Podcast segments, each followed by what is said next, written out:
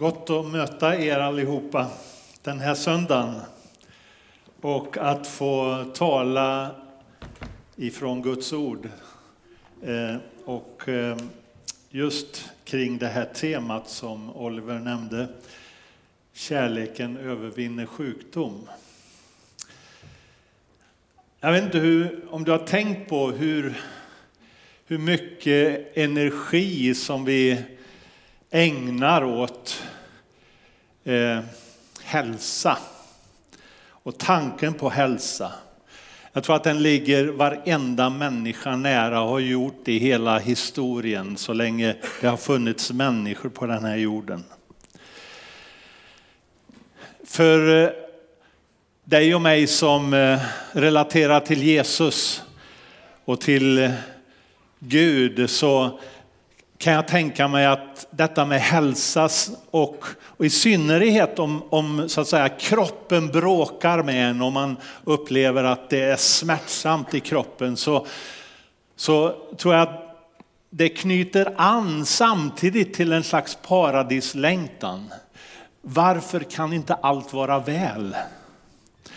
Vi har en dröm inom oss om att det skulle vara liksom perfekt på något sätt. Att, att det finns en bild som vi lever med om att allt står inte väl till och inte i min kropp heller.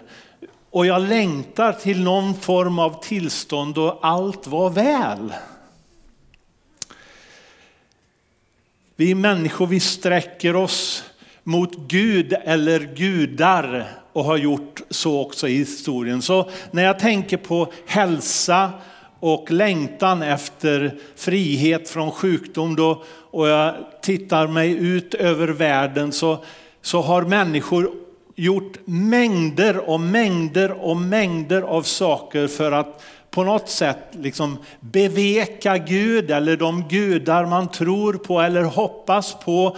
Och man bygger altaren och man, bygger, man, man gör ritualer och man eh, har en mängd olika saker för sig. Man har amuletter och magiska danser och man uttalar böner för att på något sätt hitta den magiska vägen till att allt ska bli väl. När eh, kristna människor har läst gamla och nya testamentet så har det stått fullständigt klart att Gud är god och Gud är intresserad av människans välmåga. Så att liksom leda människor fram till Gud, till källan för helhet och hälsa har varit en fullständigt självklar eh, idé för människor som tror på Jesus, som tror på Gud, den Gud som har uppenbarat sig i Bibeln. Det har också varit solklart för missionens människor, eh, Nya testamentets människor som, som har, har eh, liksom lärt känna Jesus att, att be för människor.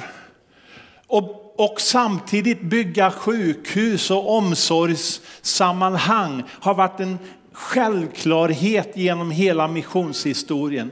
Att se till människors väl och ve.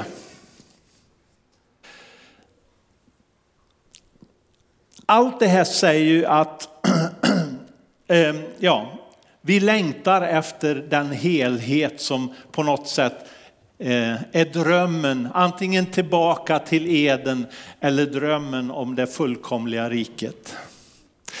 Samtidigt när vi lever då i mellantillståndet, emellan detta att Jesus har kommit och upprättat sitt rike och till dess vi ser den där fullkomligheten fullbordad så tror jag samtidigt att vi, vi vi bråkar med ett antal frågor och många gånger så ställs ju frågor till oss. Ja, men om Gud nu då är allsmäktig, ehm, varför fixar han inte det så här liksom med en gång? Eller om, om Gud liksom är på riktigt, ehm, varför blir man inte frisk liksom på en gång när man ber, liksom som en omedelbar händelse varje gång? Vi har ju förbönstationer varje söndag och varför händer det liksom inte med en gång? Hur ska vi förstå det? Och det ligger liksom också en dröm om det omedelbara. Ja, men jag vill det nu. Det är på ett sätt som att det finns ett litet barn inom mig som säger jag vill ha det nu. Jag vill ha godis, inte på lördag utan nu. Eh, och jag tror att vi lever i den spänningen vi människor. Och dessvärre så tror jag att vi kommer att göra det hela våra liv. I spänningen mellan drömmen om det omedelbara och så den situation som vi på något sätt brottas med tills vi möter Jesus ansikte mot ansikte. Vi ska närma oss en text i Nya Testamentet ifrån Matteus 9. Och eh, det är så här står det ifrån Matteus 9, vers 18 och följande. Medan han talade till dem kom en synagogföreståndare och föll ner för honom och sa, min dotter har just dött. Men kom och lägg din hand på henne så får hon leva igen, så får hon liv igen. Då reste sig Jesus och gick med honom och lärjungarna följde efter, men en kvinna som hade lidit av blödningar i tolv år kom bakifrån och rörde vid tofsen på hans mantel eftersom hon tänkte, får jag bara röra vid hans kläder så blir jag hjälpt. Jesus vände sig om, fick se henne och sa, var inte orolig min dotter, din tro har hjälpt dig. Från det ögonblicket var hon frisk. När Jesus kom hem till föreståndaren och mötte flöjtblåsarna och den klagande hopen så sa han gå härifrån, flickan är inte död, hon sover. Då skrattade de åt honom. Men när folket hade motats bort gick han in och tog flickans hand och hon steg upp. Och ryktet om vad som hade hänt spred sig i hela den trakten. Jag vill börja med att betona att Gud är en helande Gud. I texten så möter vi två människor som är övertygade om att Gud kan. En synagogföreståndare och en kvinna som har burit på en sjukdom. Hon är kroniskt sjuk sedan 12 år tillbaka. Och de är båda övertygade om att Gud kan. Gud är en helande Gud. Och på ett sätt så stryker de under det Gud, eller det gamla testamentet har visat gång på gång och det är att Gud griper in. Gud är liksom den som agerar mitt i människors situationer. Den Gud som har visat vem han är för Abraham, Isak och Jakob har makt att hela, befria, upprätta människor. Och till och med inför ökenvandringen så får Israels folk ett, ett, ett, märkligt, ett märkligt löfte om att Israels folk under ökenvandringen lyder Gud och följer hans lag så ska de inte drabbas av sjukdom. Så på ett sätt så, så så ett mycket märkligt löfte att om de följer Gud så kommer de att bevara hälsa under ökenvandringen. Nu gick det si och så med den saken, vi vet det. Eh, det har varit så bland Guds folk i hela historien. Det har varit en krokig väg fram och tillbaka, upp och ner. Men det var löftet för ökenvandringen. I Gamla Testamentet finns det gott om berättelse om gudsingripanden.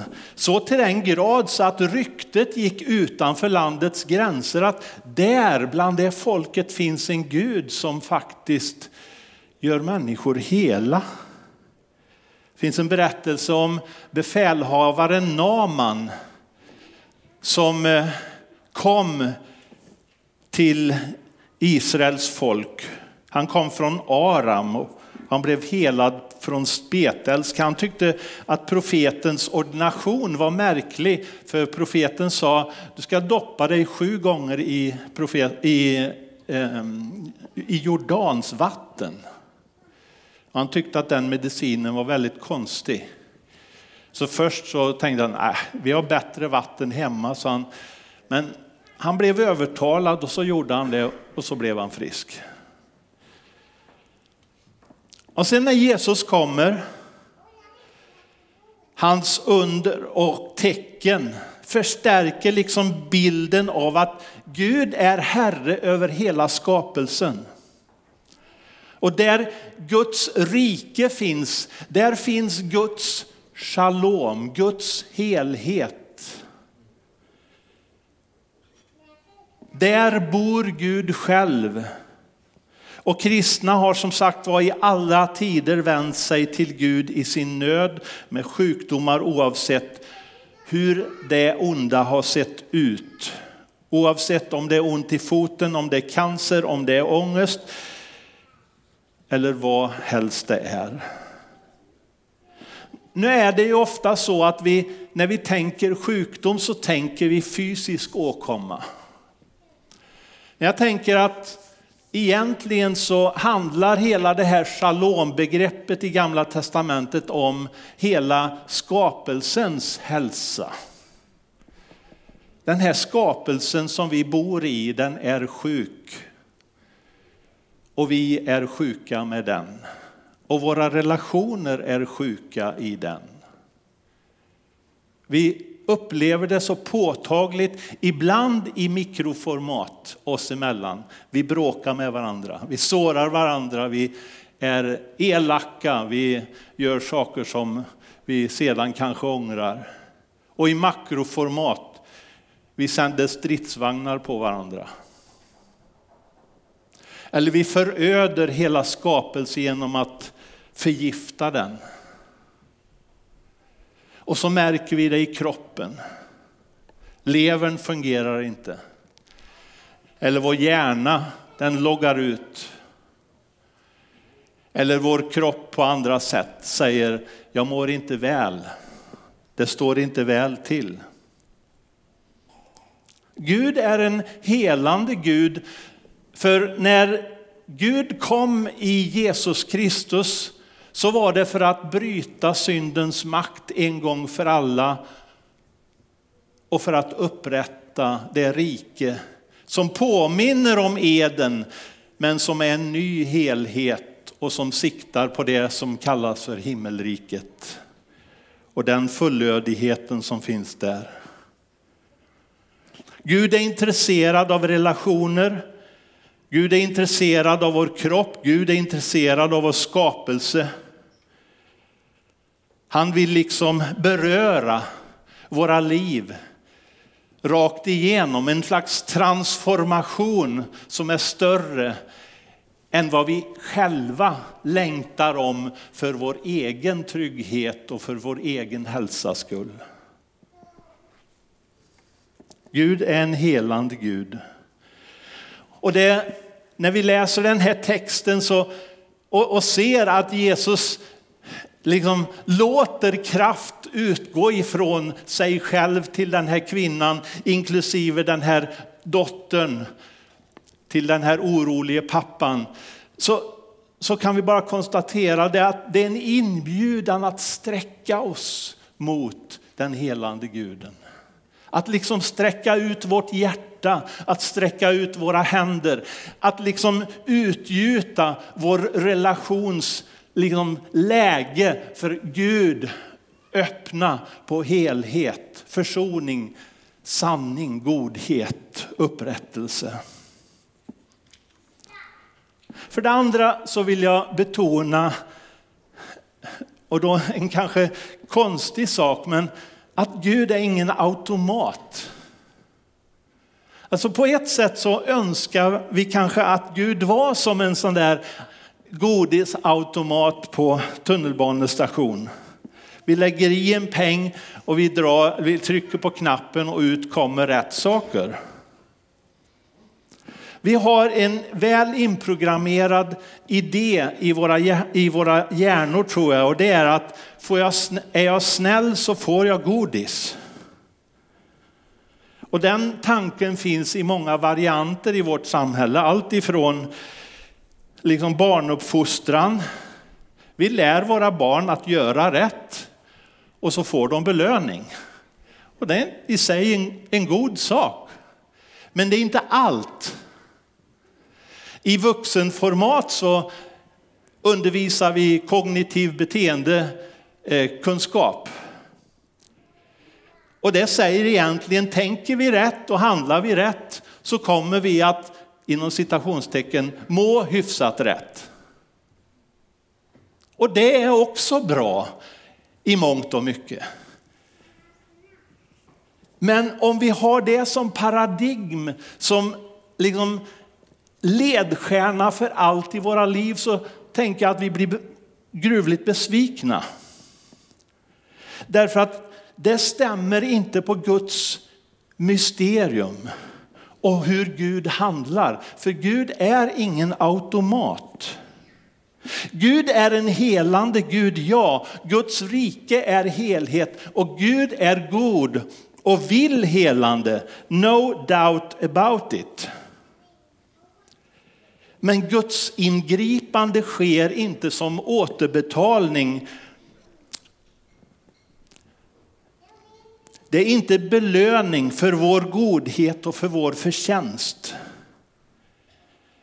Det är inte ett uttryck för att vi har varit snälla tillräckligt och är tillräckligt bra, utan helande av vad slag det är ett uttryck för att Gud i sitt väsen sträcker ut sin barmhärtighet till oss människor. Gud är nådefull. Och det handlar inte om våra rätta formuleringar, utan det handlar om att sträcka oss efter honom själv.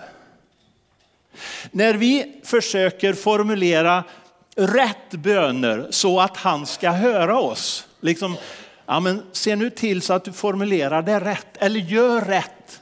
Då liknar det mer religionernas magiska magi och manipulation av sina gudar än hängivenheten till den passionerade guden som har visat sig i Jesus Kristus.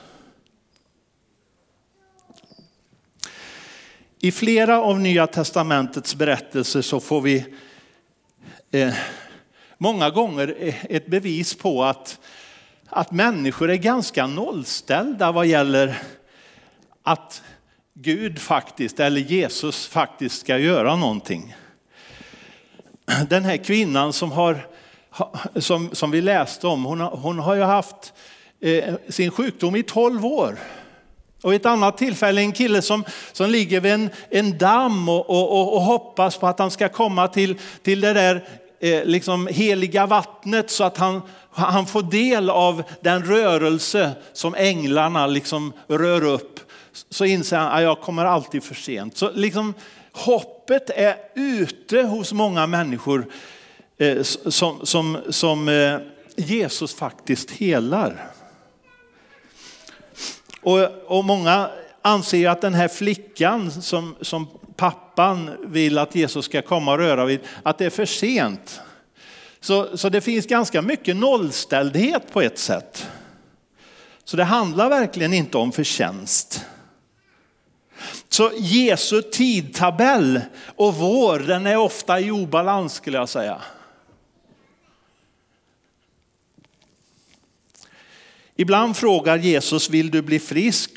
Och i den här kvinnans fall så pekar Jesus på hennes tillit och säger att eh, din tro har hjälpt dig. Bara det att hon sträckte ut handen, det, tar han som en väldig tillit till, till eh, att Jesus förmår. Och dessutom så talar Jesus till hennes oro och så säger han, säger han att du behöver inte vara rädd. Det är ungefär som, jag vet, jag har sett dig. Jag har sett dina tolv år. Kanske är en av våra största farhågor och det är att Gud inte ska höra oss, att Jesus inte ser oss, att inte Gud tar vår bön på allvar, att han inte bryr sig om mig. Att jag inte har varit bra nog, att jag inte duger. Jag har en kollega i Uppsala, han råkar predika några kvarter härifrån just nu. Ehm, han, han berättade för mig vid lunchrasten en dag i veckan att eh, vid ett tillfälle så hade han influensa. Och under lång, lång tid, det hängde i flera veckor och febern gav sig inte. Så med, med råd ifrån från någon eh, läkare eller någon sjukvårdspersonal så, så hängde han ändå med trots att febern inte hade gett sig på ett, ett läger som han var ansvarig för. Så han, han drog med på det. Och de var,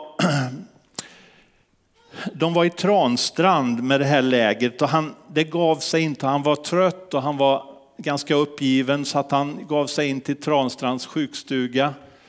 Och där i väntrummet så sa så, så fick, jag tror han fick ett telefonsamtal ifrån, från eh, sina bibelskoleelever.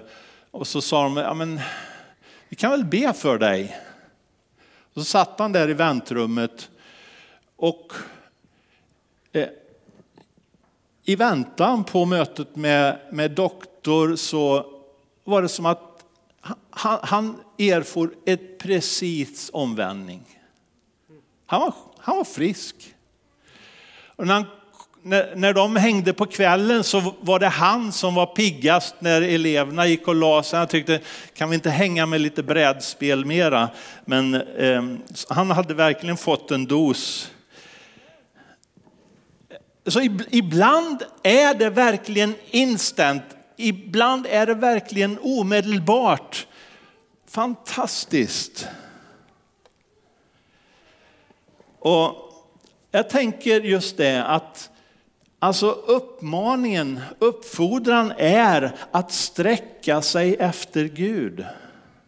Oavsett om det är nu eller om det är 12 år eller 25 år eller hela livet. Oavsett om det är förkylning, benbrott, utmattning, om det är äktenskapsproblem, om det är naturens obalans. Vår uppgift som Guds folk är att sträcka oss efter Gud och agera efter alla konstens regler. Alltså jag tänker att efterföljelsen, den leder oss in i en mängd olika situationer där Gud kallar oss att verka och agera och ta med Gud in i den situationen för Guds shaloms skull.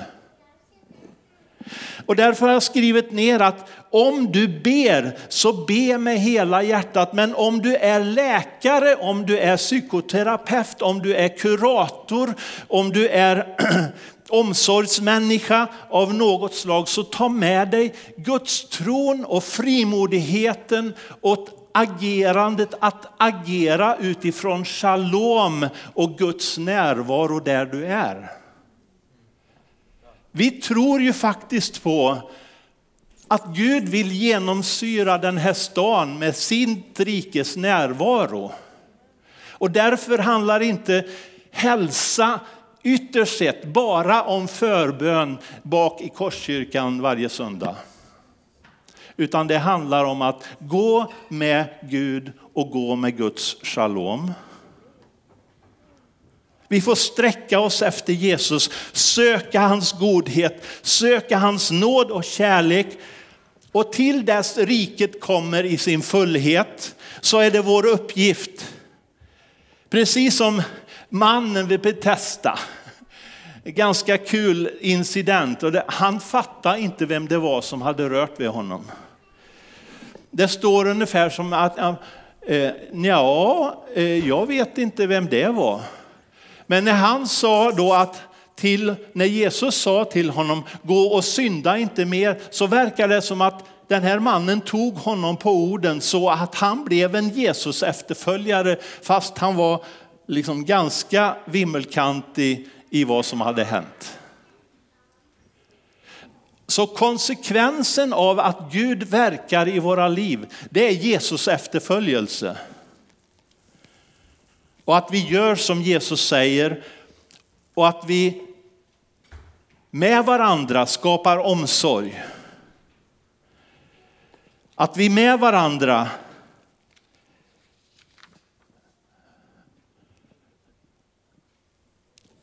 skapar en helande miljö i församlingen. Att vi med varandra formar kärleksfulla relationer. Att vi med varandra odlar godhet, omsorg, stöd och att vi ber frimodigt. Gud är en helandets Gud. Gud är ingen automat och vårt perspektiv är inte Guds perspektiv. Men det är inte vår sak. Låt mig avsluta med att säga att Nya testamentets författare säger att den som tillhör Guds rike har helandet inom räckhåll i Guds rike. Men det räckhållet är lite frustrerande därför att det är både närvarande helt och fullt nu och vi sträcker oss efter det i sin fullhet. Så vi lever i ett spänningsfält som är ganska jobbigt på många sätt att hålla ihop. Men tiden mellan Jesu uppståndelse och vår uppståndelse, i den tiden så är det som att Guds framtid kommer oss till mötes. Det är som att framtiden i strimmor och ibland i fantastiska sjok kommer oss till mötes när vi ber och när vi är tillsammans som Guds folk. Och det får vi sträcka oss efter.